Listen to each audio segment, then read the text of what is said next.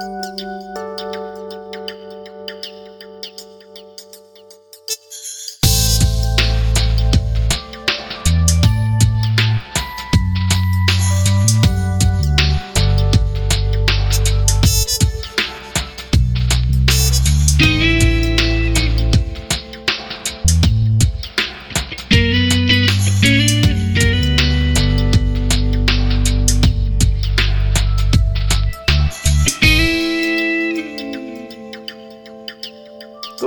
varmt välkomna tillbaka till Bibeln Idags podcast. Kaffet är upphällt, solen skiner. Vad passar bättre än att sätta sig vid datorn, eh, ta upp Skype och slå iväg ett samtal till, eh, ja, var sitter du någonstans? Jo, jag sitter i Varberg där snön vräker ner skulle jag säga. Är det sant? Ja, det är faktiskt sant. Stora flingor. Välkommen till podden, Hanna. Tack så mycket. Hanna, vi har eh, träffats ett par gånger och eh, vi hade ett seminarium ihop här för, eh, ja, när vi spelade in det här så är det väl två, tre veckor sedan. Mm. Och utifrån det så tänkte jag att vi skulle ha ett samtal kring eh, det digitala, eh, församlingen och den enskilde kristnes eh, närvaro på nätet så att säga. Mm. Eh, eftersom du har jobbat en del med det.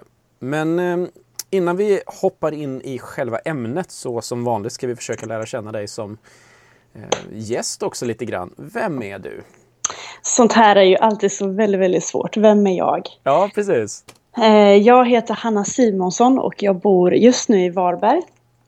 Jag är, eh, alltså jag är egentligen 26 år gammal men sen jag fyllde 26 för snart ett år sedan så har jag sagt att jag är 27. Jag vet inte, 26 känns som en sån där icke-existerande ålder. men jag fyller 27 i april och eh, ja, jag jobbar med eh, Youngsters som är en del av OAS-rörelsen. Och Mm. OAS-rörelsen är en förnyelserörelse inom Svenska kyrkan. Youngsters, berätta lite mer. Youngsters startade typ 99 av min kollega Lennart Henriksson som blev liksom som ett frö från eh, OAS-rörelsens sommarkonferenser. Ehm, och vi jobbar helt enkelt utriktat till barn och unga runt om i Sverige.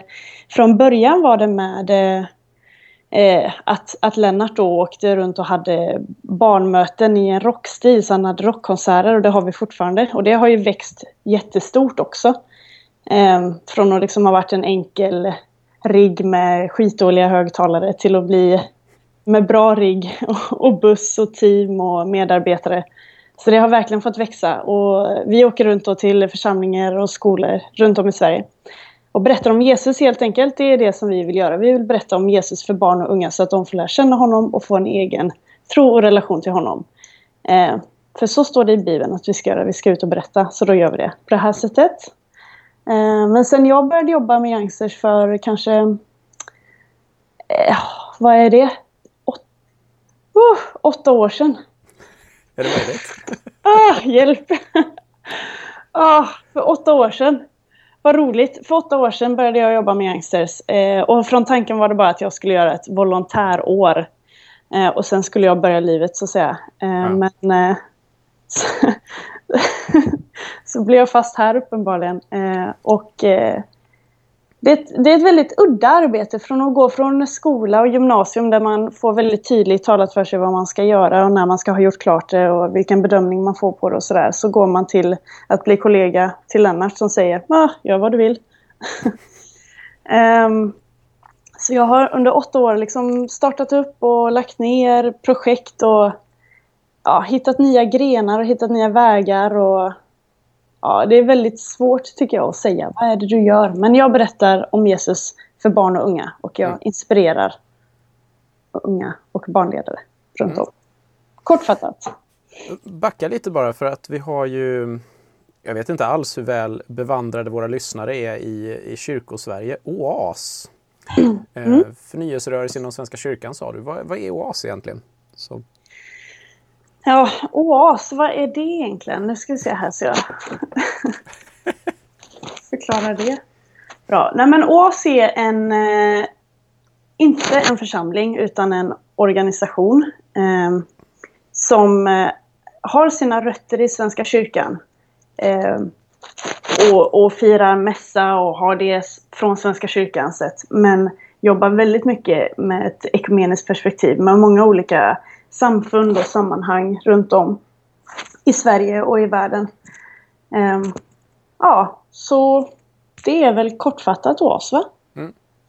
Vi, eh, vi har ju säkert mötts, även om du kanske ofta har varit på, på barnsidan. Jag har ju också varit med i när jag var i Credo en gång mm. i tiden så var vi ju, eh, så hade jag ju, eh, var jag på både OAS konferenser och ungdomskonferenser under, under ett par år där. Det är en väldigt levande, härligt sammanhang att vara i. Min kollega brukar säga att vi på barndelen, som du så fint säger, vi gör på konferenserna samma som de vuxna fast vi har lite roligare. Ja, precis. Jag, jag, jag minns det, ni, ni, brukar säga det från mötesscenen också när ni har varit inne. Nu går vi och har roligt så kan ni få fortsätta här inne. Ja,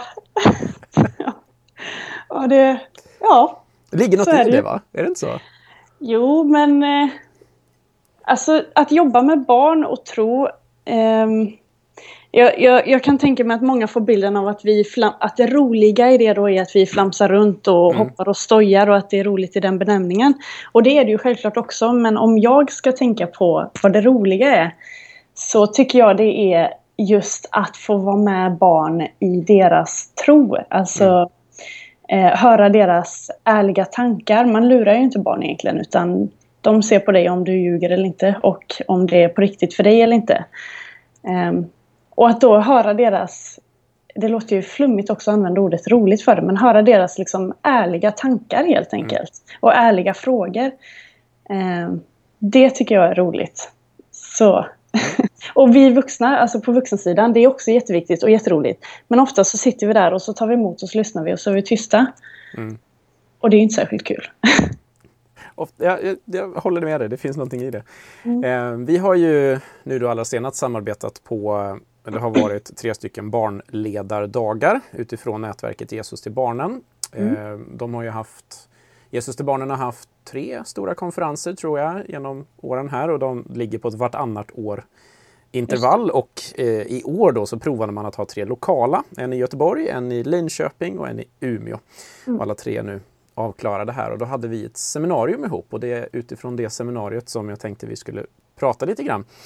Um, innan vi hoppar in i det ska jag bara nämna att det här kommer vara lite grann av en, ett minitema i podden under um, vår och sommar här då vi kommer prata lite grann om, om den, ja, vad vi ska kalla det, digitala revolutionen eller hur man nu ska benämna det, kärt barn har många namn. Mm. Um, med diverse olika gäster. Men jag tänkte att vi ska börja utifrån uh, det som du starkt slog ett slag för i Göteborg och det var ju, om man ska sammanfatta det väldigt eh, snabbt, så var det ungefär sitt inte där i era kyrkbänkar bara utan ut mer och då mm. ut mer även eh, i sociala medier. Mm. Eh, ut där barn och unga finns så att säga. Eh, hur kommer det sig att du har börjat fundera mycket på de här frågorna?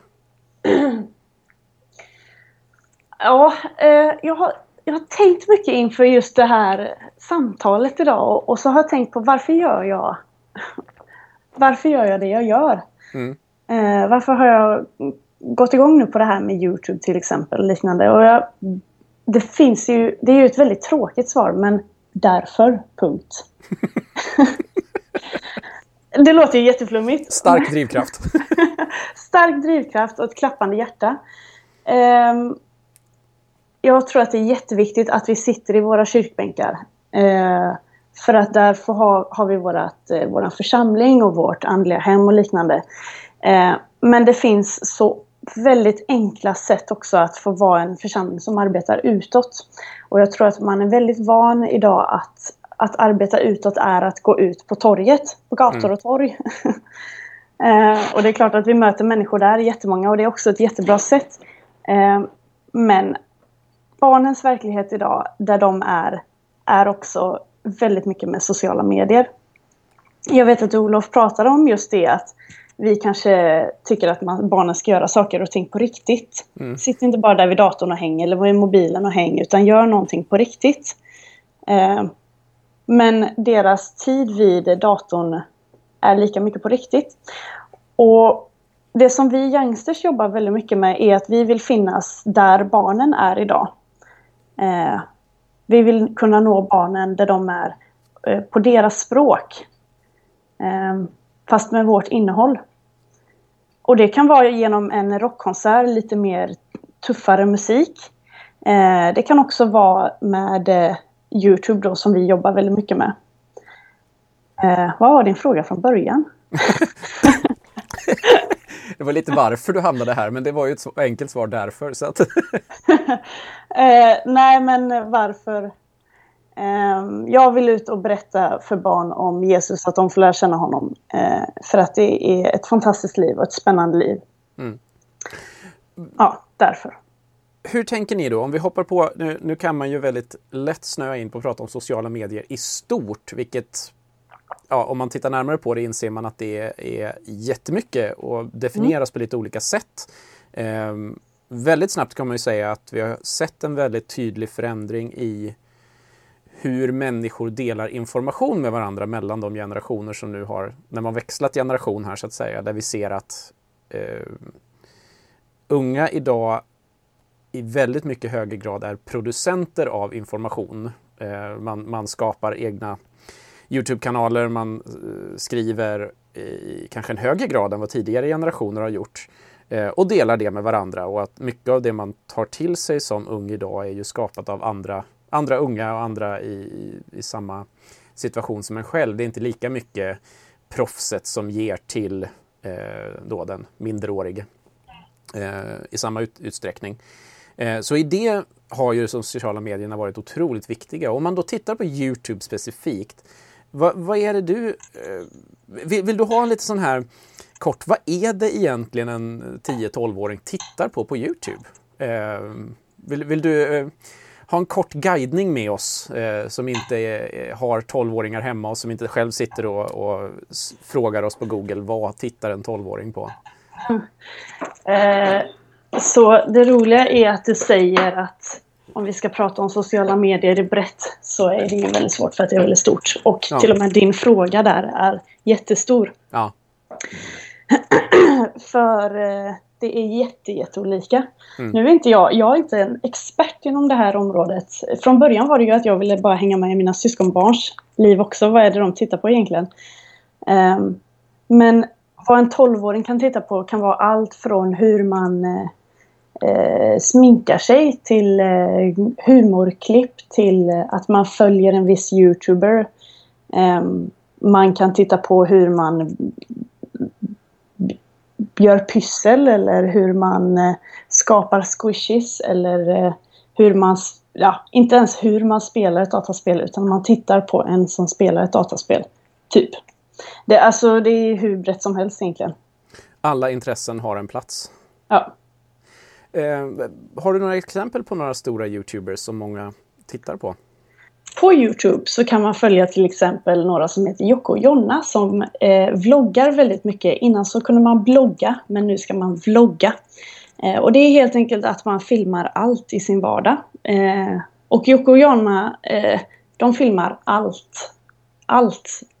Eh, med eh, deras husköp eller deras hundar eller deras projekt eller hur de ska försöka få barn och hela den här biten. Så det är väldigt, väldigt mycket där i deras privata vardagsliv. Det är ju som att man har, förr i tiden hade man en dagbok med lås. Eh, men eh, det har man inte längre utan den är öppen för offentligheten. Eh, vi har en som heter Therese Lindgren som eh, också vloggar väldigt, väldigt mycket. Hon inspirerar mycket till eh, att äta grönt och hon eh, vill att tjejer ska få börja testa teknik och hon pratar väldigt öppet om eh, psykisk ohälsa och ångest och liknande. Um, man kan ta exempel också Thomas Ekelius som är en kille som bor i Stockholm. Som, alltså alla dessa har ju över alltså flera hundratusen följare på sina Youtube-kanaler. Eh, Let's Feast är en familj som också vloggar jättemycket. Alltså vlogga är väl själva grejen. Man får följa folk in i deras vardagsliv. Till exempel som eh, vad heter det, Wahlgrens värld fast på Youtube. Det är väl kanske någonting som folk har sett i förbifarten, Wahlgrens värld, på TV. Kanske med den skillnaden att man själv väljer att klippa, inte någon TV-producent. Ja, ja. Man väljer väldigt aktivt vad man vill visa. Liksom. Jo. Ja. Ja. Mm. ja, det finns ju hur många som helst. Men och det här, är, det här är bara den svenska, svenska marknaden, eller vad man ska säga, som jag har tagit upp som exempel. Jag har inte ens orkat sätta mig in i den engelska helt och hållet. Nej. Eller amerikanska.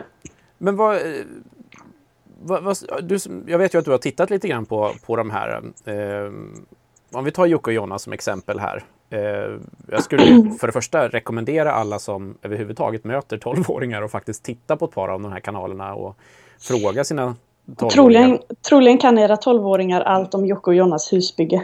Ja, ja men precis. Mm. Eh, men fråga vad de tittar på. Ta en stund och titta på, ta en kväll. Eh, Absolut. Och, och, titta igenom och se vad det är. För att det är ju också i och med att de följer de här, det är många eh, minuter i veckan det till slut blir som man kan, kan gräva ner sig i andra människors liv. Och vad, men du då som, som har en väldigt tydlig kallelse i ditt liv med vad du vill med, med unga människor när du möter dem och vad du vill berätta om och vad du vill forma till. Vad, vad är din känsla av att de här stora youtubersna som du nu har tittat på, vad är det, vad är det för värderingar man liksom eh, har. För, för, alltså, för på mm. dig låter det ändå som att det är en, en ganska mycket positivt också. Ja, alltså det är absolut mycket positivt. Eh, och det är absolut jättemycket skit, eh, rent ut sagt. Eh, och ehm, om man ska liksom hårdra det så kan man säga att vad barnen får för värderingar, vad de unga får för värderingar gör att den här, eh, om ni förstår min bild nu, att vi, har, vi lever i vår egna bubbla. Eh, där jag är herren på täppan och jag är det viktigaste och jag är det vackraste och jag är det bästa. Eh, det är mycket de värderingarna av eh, hur viktig du är och skit i alla andra för du är det viktigaste och du behöver inte göra som andra säger och du behöver inte liksom foga dig efter vad andra tycker. Eh, och jag kan förstå det på sätt och vis. Eh, för att vi behöver verkligen få titta på oss själva med kärlek. Alltså att vi är skapta till dem vi är och vi har de egenskaperna vi är, eller egenskaperna vi har och så. Eh, men det handlar bara om det. Alltså vi har, vi har ingen annan i våran bubbla. Eh, och det tror jag är farligt helt enkelt. Jag tror att det är jätteviktigt att vi ja, men lär oss att se våra medmänniskor och hur vi ska agera mot varandra och liknande. Jag såg till exempel en dokumentär häromveckan som handlade om eh, Sverige, att det är det mest ensamma folket. Um, och, och, där kommer det ju landa till slut. Liksom. Ju mer vi bara fyller på i vår egna lilla bubbla och inte behöver bry oss om alla andra så, så kommer vi vara det mest ensamma folket. Mm. Um, Therese Lindgren som jag pratade om innan, hon har startat ett eh, skönhetsmärke eh, som eh, heter Indie Beauty. Det låter som jag gör reklam för det här nu. Det beror ju på vad du säger här efter, eller hur? jag satt just och funderade på, kan man säga så här. Indie Beauty heter det och det står för eh, Independent Beauty, alltså ja, independent snabbt översatt. Självständig. Eh, självständig, självständig ja. ja precis. Eh, och hennes slogan, eller vad man ska säga, är eh, Var mot dig själv så som du vill vara mot dig. Eh, I princip. Och det blir ju gyllene regeln fast tvärtom. Mm. Eh, och att hon trycker väldigt mycket på ordet självkärlek och liknande. Och jag, vi kan ju läsa om i Bibeln att det är inte just det ordet som Jesus trycker på. Nej. Självkärlek. det blir nästan komiskt när man tänker på det om man skulle byta ut hans kärlek till självkärlek. Um, ja, så det är väl de värderingarna mycket som barnen får höra och lära sig. Och, och, och det kan ju låta alltså, positivt och gott. Uh, men det är lite grann som att koka en uh, groda långsamt, alltså att man, man höjer värmen sakta för att grodan inte ska märka av värmen eller mm. faran. Uh, och jag tror att det är samma med det här just att ja, men det kan låta bra och det kan låta fint och det kan låta viktigt att man ska älska sig själv och bara sig själv och att man är det viktigaste och jag behöver inte göra som alla andra eller jag behöver inte ens göra vad som står i Bibeln för att ja, men det viktigaste är vad jag tycker och vad jag känner. Eh, och på så vis så märker man inte att det faktiskt är en fara med det sättet att tänka på också. Det, det behöver ju verkligen, balansen behövs ju. Mm. Nej, men det, egentligen så, så, kan man väl knyta ihop just den här delen med, med att säga ta tid och eh, sök runt lite på Youtube, eh, kolla efter några av de här stora, eh, verkligen stjärnorna, för det är ju det det handlar om. Det tror jag är Ehm, jätteviktigt. man, man som jag satt och pratade med några föräldrar nu när jag, när jag var i Umeå och då var det ju en som, som sa det att jo men eh, mina barn när vi pratar om vad vi ska göra på semestern är ju att de vill åka och titta på, på det här huset som du nämnde.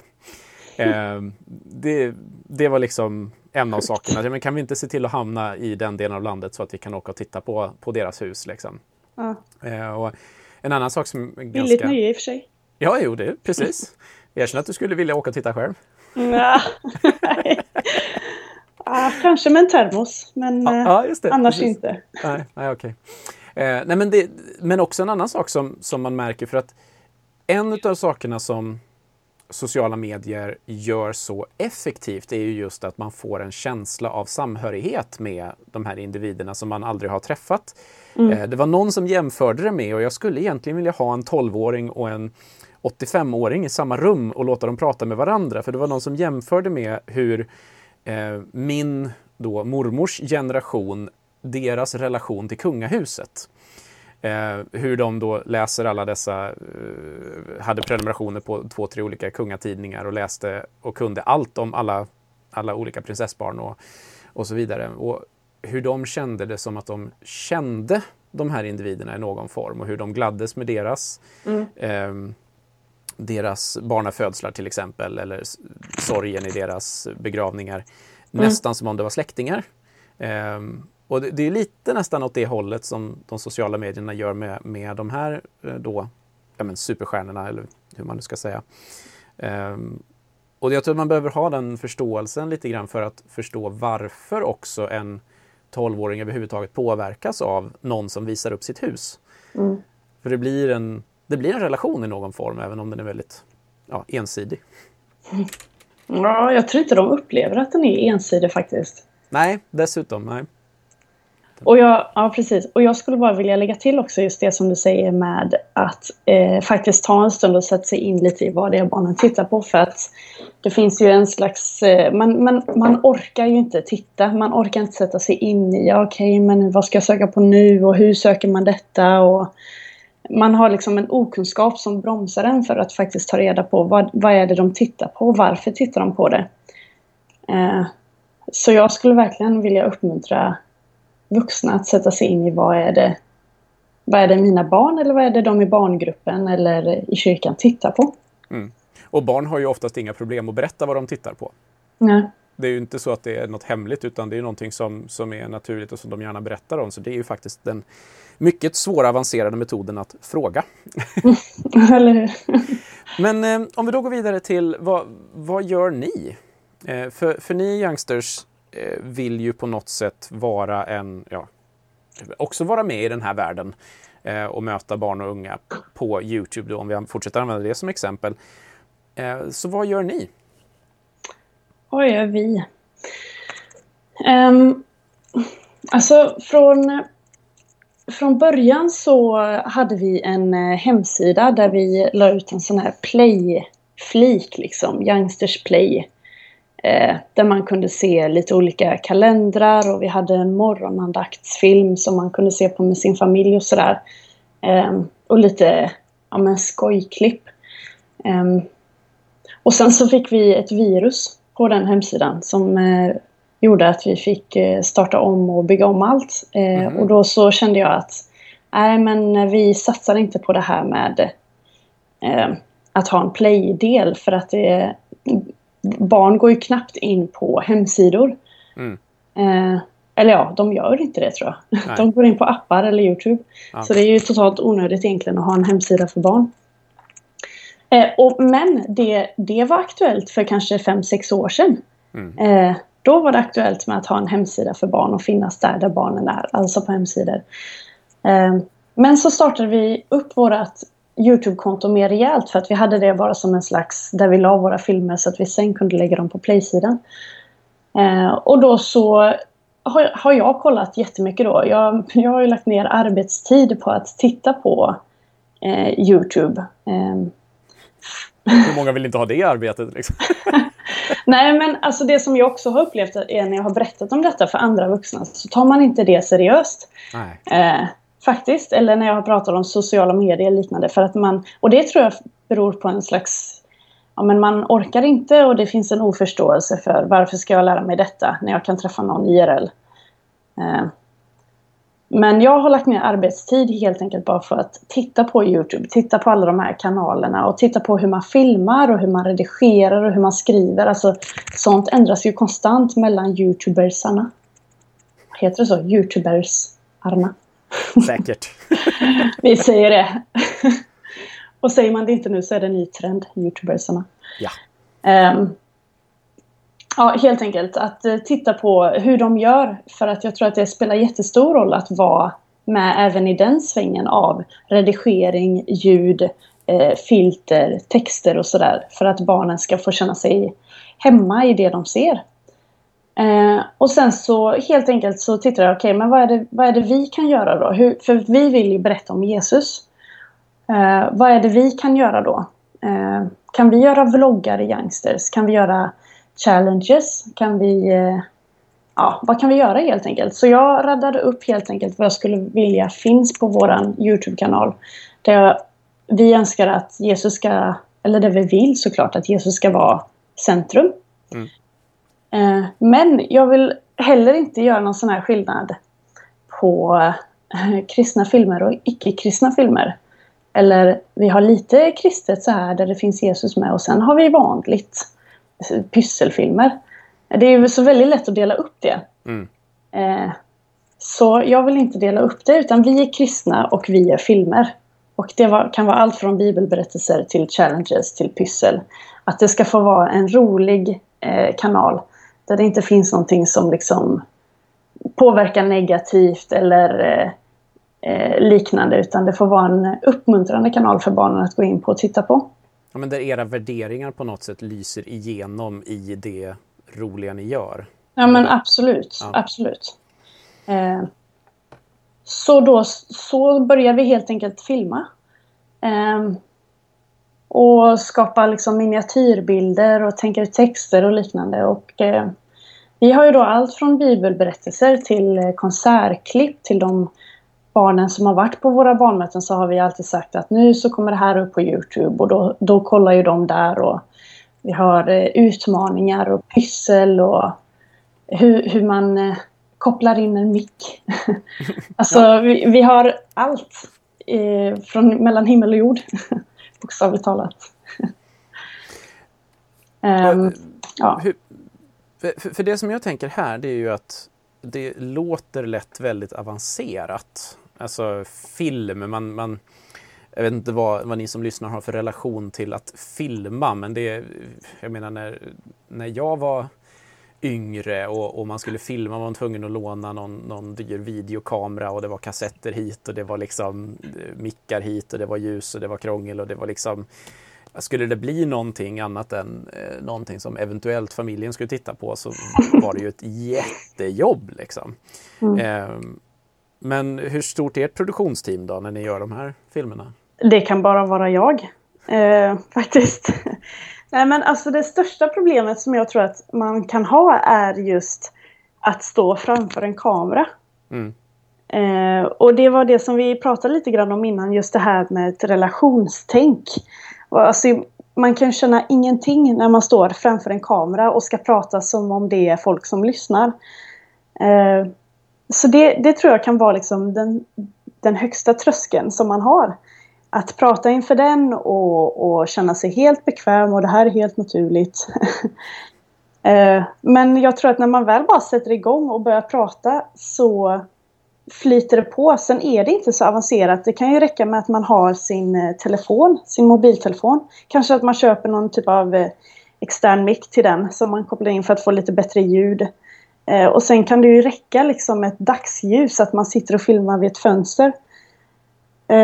Och vill man ha liksom bättre ljus så kan man ha studiolampor som man kan köpa enkelt på ja, med någon Clas Ohlson eller någonting. Mm. Och så sätter man in dem i väggarna och så lyser det på dig. ja men det är verkligen inte, alltså, om man nu bestämmer sig som församling till exempel att vi ska göra en kanal för vår ungdomsgrupp eller barngrupp mm. eller någonting. Eh, så är det ju definitivt inga stora investeringar längre på den. Eller man kan investera i sönder sig, för så är ja, det ju med all teknik. Man kan ju köpa teknik för flera miljoner om man vill det, men eh, de, om ni funderar just på teknik så tänk på det när ni tittar runt nu på Youtube på de här kanalerna att en del av dem det är ju bara en vanlig webbkamera som mm. sitter uppe på en dator och man bara ser till att det är något sånär ljust i rummet. Mm. Uh, Absolut. Så, ja. Men vad, om du får drömma då? Jag menar, nu gör ni er Youtube-kanal och eh, såklart drömmen där är att nå så många som möjligt. Men om du tittar lite bredare. Eh, ni vill ju såklart också inspirera församlingar och enskilda att, att uh, gå ut och göra saker. Det är ju inte bara ni som ska nå barnen antar jag. Eh, vad, vad, skulle du vilja se? Alltså, vad jag har förstått så är ett problem som kyrkan, min kyrka, Svenska kyrkan, känner att de har det. Hur ska vi nå barn och unga?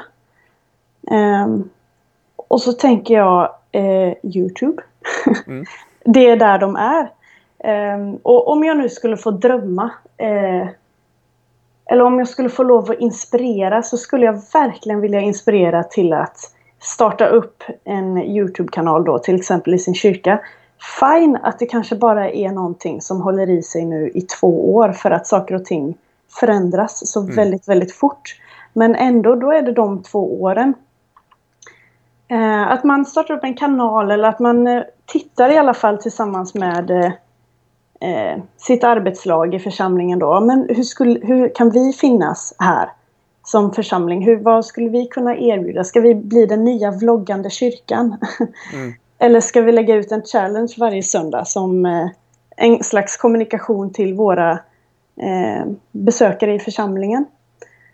Eh, och helt enkelt också att involvera sig i ungdomsgrupper så att de får, för de kan ju detta det är ett lysande tillfälle att få liksom invest, eh, vad heter det? Lysande tillfälle att få, nu tappade jag ordet. Att lyfta dem som ledare, deras kompetens. Ja. Ja. Precis, ett lysande tillfälle att få lyfta de unga som ledare eller ja. använda sig av deras kunskap till redigering och till filmning och sådär. Um, och jag tror ju oftast att det här att man berätta saker vidare mun mot mun. Liksom, att man säger, ja men säger du till ett barn att okej, okay, men nu så ska du få vara med i den här filmen på Youtube. Då är ju den, det barnet, säg att det är åtta år, då är ju det en YouTuber och det är ju det största liksom, mm. i ett barns liv som man kan bli. eh, vi gjorde det med en kille häromdagen som vi känner, han fick vara med i våra filmer. Och eh, han blev jättetaggad på detta. Eh, och berättade för så många av sina kompisar på skolan så att de kompisarna också tittade på den här Youtube-kanalen. Mm. Det är ju jättebra.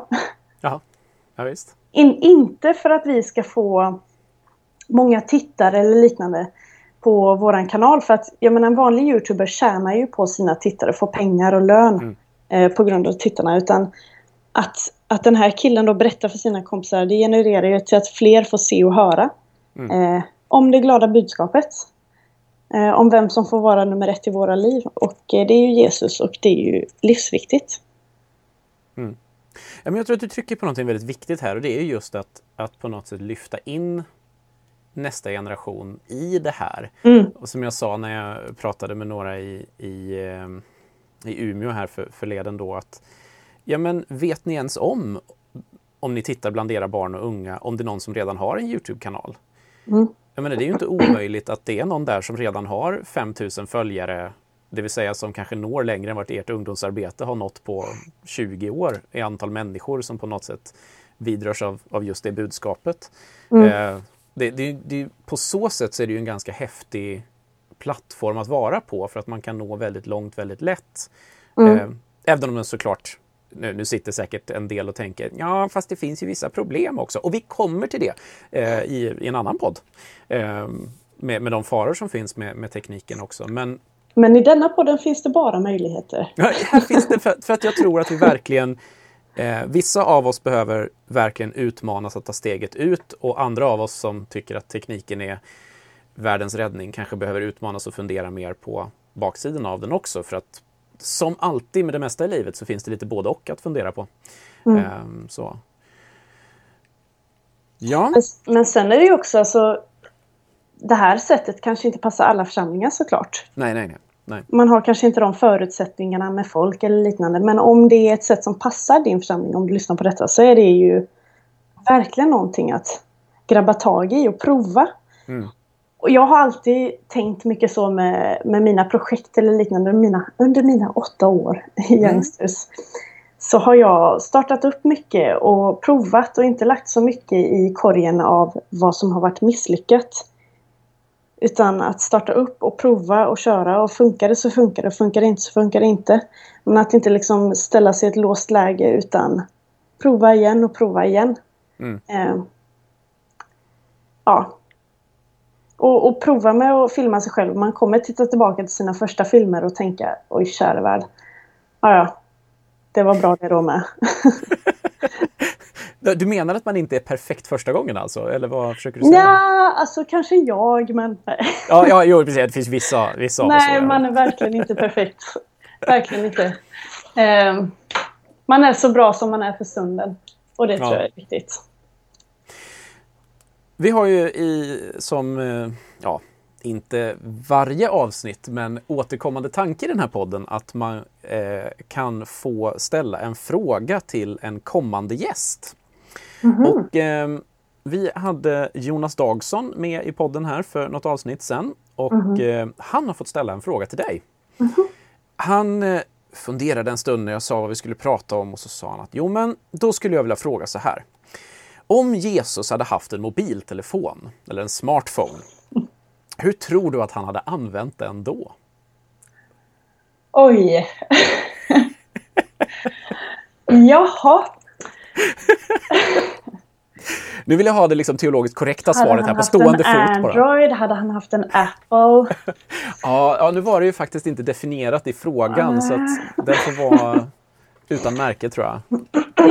en smartphone. Det är en rolig diskussion det också i och för sig, vilket märke han hade haft. jag tror han hade haft en Apple ändå. Det hade på något sätt fört allt ihop. okay, okay. Mm, mm, mm. Nej, men om Jesus hade haft en smartphone, hur skulle han använt den då? Oj, vem är jag att svara på det? nu får du tänka på att det här är bara i stundens eh, samtal. Okay, det är mellan dig och mig. Och vi... Jag tänker så här. Ja. Hur jag själv skulle vilja ha min, mitt mobiltelefonliv då. Ja. Nu säger jag inte att Jesus ska vara som mig, men det är ett bra tips. Eh, jag tänker att han skulle ha den till eh, att använda olika kanaler och nå ut. Eh, men jag tror inte att han skulle ha den ens i närheten av framme eh, när han träffar människor öga mot öga. Okej, okay, så han skulle livestreama bergspredikan men vid nattvardsmåltiden så har han lagt den i lobbyn? Nej, jag tror inte han får live, Då får någon annan livestreama den tror jag. För då så står han där och så pratar han med folk. Men kanske det skulle vara när han sen kommer hem och har haft den här bergspredikan eller delat ut bröd till 5000. Då kanske han skulle ta upp den och berätta om det som ett vittnesbörd. Vad är det står vittnesbörd gör enkla människor visa? Något sånt där. Okay. Ja, det, det kände jag inte igen faktiskt. ja, men det ja. står tror jag i Ordspråksboken. Ja, det låter som typiskt Ordspråksboken. Så att det... Ja, det gör det. Ja. så tror jag. Ja. Undrar vilka challenges han skulle ha. Ja, try not to laugh challenge kanske. Ja, ja. Ja, eller uh, What's in my mouth challenge. det, det, finns ju en hel liksom, uppsjö av roliga diskussioner här. Ja, ja visst. Ja, det var en väldigt intressant fråga. Den ska jag ta med mig under arbetsdagen här idag tror jag. Ja, ja. ja det, det roliga var att den, jag berättade för dem här hemma att eh, Jonas hade ställt den frågan vidare till dig och då det mynnade ut i en ganska lång diskussion om Jesus eventuell teknikanvändning och fenomenet att han, från vad vi vet så skrev han ju inte ner någonting med papper och penna som ju var dåtidens liksom Nej, super high tech. Liksom. Han skickade inga brev vad vi, vad vi vet, eh, men vet ju å andra sidan inte allt om hans liv heller. Um, jag tror heller inte han skulle vara så här om folk skulle nå honom på telefon, försöka nå honom. Då, han skulle vara någon bara så här, inte bryr sig. så här, om Petrus ringer och säger du måste vara här nu. Han skulle nog bara dubbelklicka på sidan och säga ta det sen. Ta det sen, ta det sen. jag är här nu. Jag väljer, jag är här nu. Men du tror att han skulle ha en Apple? Okej. Okay. Mm. Ja, det tror jag. Nu har du, nu har du förargat hälften och ja, gjort hälften av lyssnarna Förlåt. jätteglada. Jag, det är jag tar utmärkt. tillbaka det. jag tar tillbaka det. Underbart.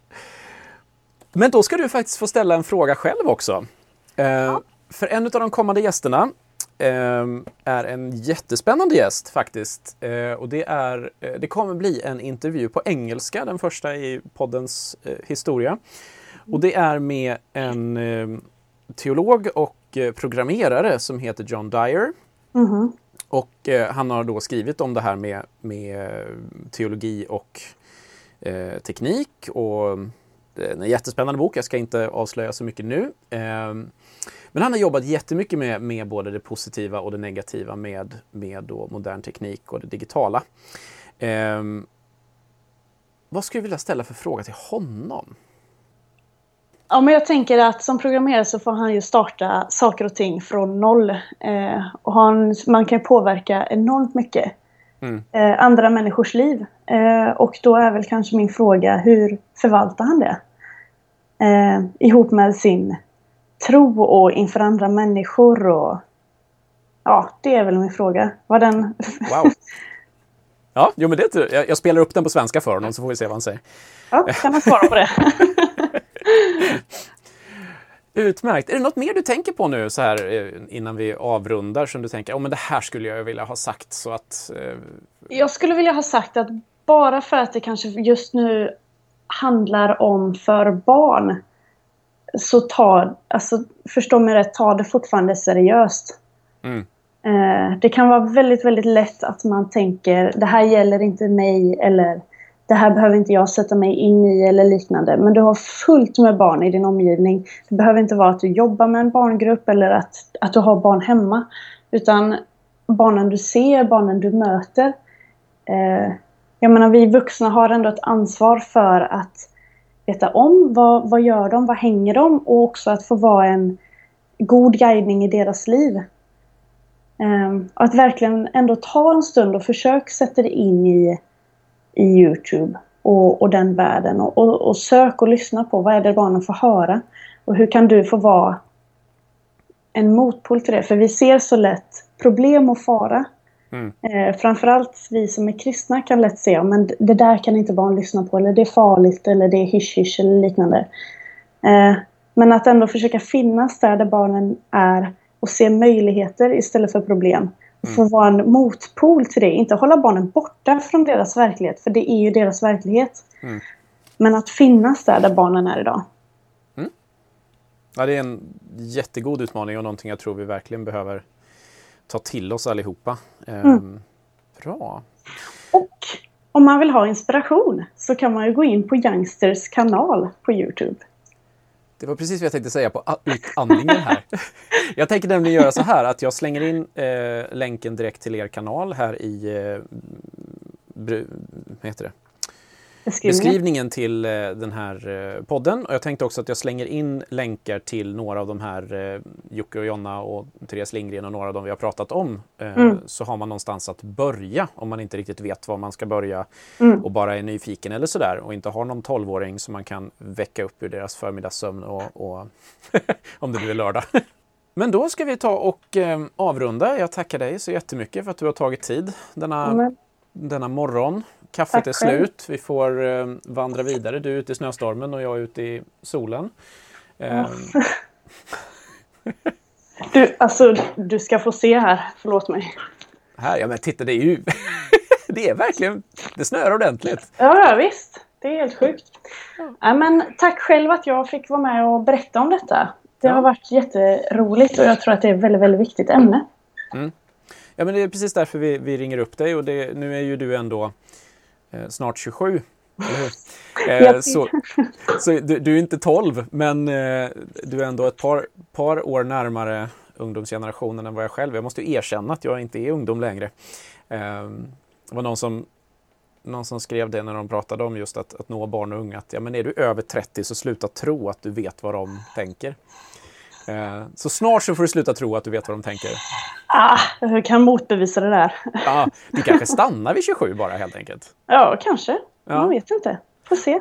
Jag hade en scoutledare, hon firade sin 26-25-årsdag här för ett tag sedan. Ah. Ja. Orkar inte ens tänka hur gammal hon är då. Mm. Jag tycker du får fundera på under dagen.